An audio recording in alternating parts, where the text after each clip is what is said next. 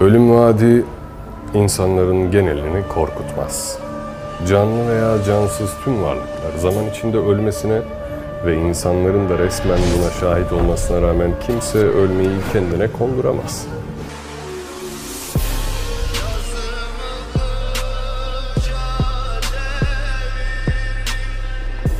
İslam'ın yüceliği de işte tam buradadır. Akıllı insanın kendisine hitap eden ayet ve hadisleri dikkate alarak yaşarken bunu akletmesi onun erdemidir. Onun için Müslüman erdemli ve akıllı insandır. Bu dünyanın fani olduğunu en iyi bilen en erdemli, en takva kişidir. Fakat insanların çoğu özellikle günümüzde gaflet içindedir.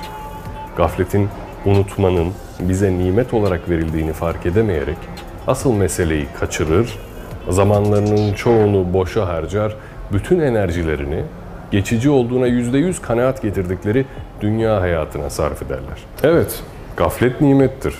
Düşünsenize olmadığını. İnsan bu dünyada çok acı şeyler yaşıyor.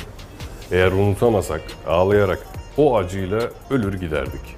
Ama bunu nimet olarak algılamaktan ziyade gaflet hayatımızdaki yenilgilerin adı oldu maalesef.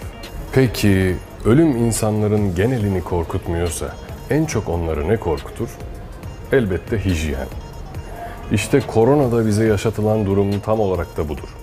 İşe yaramayacağı söylenen maskeleri takmamızın nedeni bütün dünyayı bahar temizliğinden geçiren sebep, hijyen, hastalık korkusu. İncecik kıyafetle yağmurda top oynayan bir çocuk düşünün. Annesi ona ne der? Oğlum gir içeri ölürsün dese çocuk bunu anlamaz güler.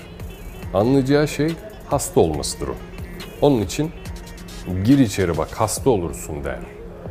Arabayı hızlı kullanan bir arkadaşın yanında otururken oğlum yavaş öleceğiz lan desen sinsi sinsi güler sana belki bu asilik hoşuna bile gider. Genelde ne deriz? Aman yavaş git kaza yapacağız.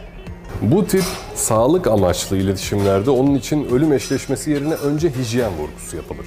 Çünkü insanların genelinin zihninde ölüm kavramı gerçek bir eşleşme yaşamaz. Ondan dolayı hayata dair bir endişe sunmak gerekir. Ülkemizde yaşanan ve Yeşilay'ı takdir ettiğim bir kampanyayı hatırlatmak isterim.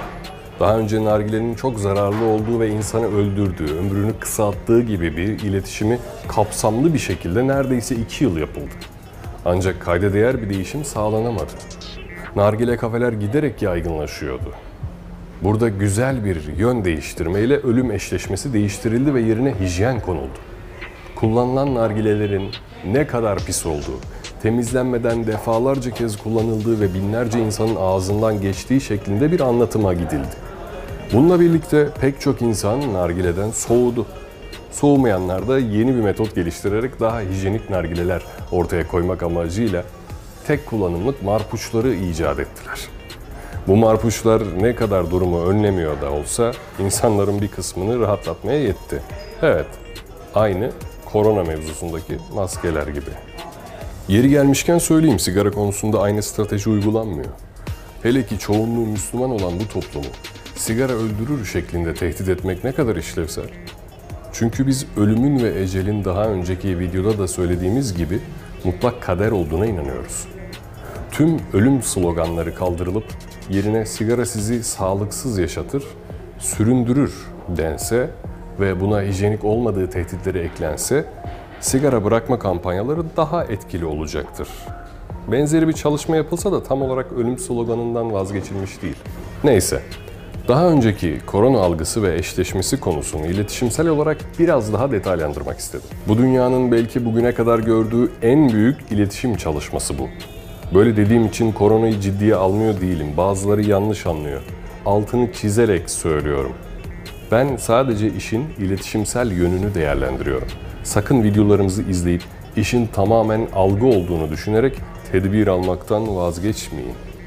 Biz gerekli tedbirleri uzmanların ve yetkililerin önerdiği şekliyle almak zorundayız. Abartıya kaçmadan.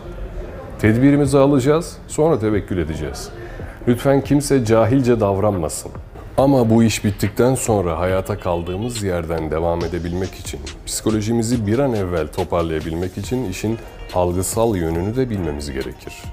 Bundan sonra farklı bir çağa keskin şekilde giriş yapacağız. Bu travma kalıcı alışkanlıklar bırakacak üzerimizde. Evet, temizliğe daha çok dikkat edileceği gibi aynı zamanda sosyal medya kullanımlarımız da artacak. Daha bireysel ve içe dönük giderek yalnızlaşacağımız bir hayat bizi bekliyor olacak. Biliyorum bu kötü ama buna da alışmanın bir yolunu bulacağız. Hiçbir devlet buna karşı koyabilecek güce sahip değil. Tüm dünya yeni sisteme ayak uyduracak. Kendimize çip taktırmak zorunda da kalsak bari kendi çipimizi üretmiş olalım da yine başka güçlerin esiri olmayalım. Değerlerimizi kaybetmeden yeni çağın aydınları biz olalım. Onlar silahlarıyla bizi vurmadan biz o silahlara sahip olalım ki kötü niyetli kullanımlardan önce taşıdığımız merhamet kıymetinin anlaşılması için bunu mihenk taşı olarak bulutların bile kapatamayacağı şekilde gökyüzüne çakalım. O zaman hepiniz bu aleme hoş geldiniz.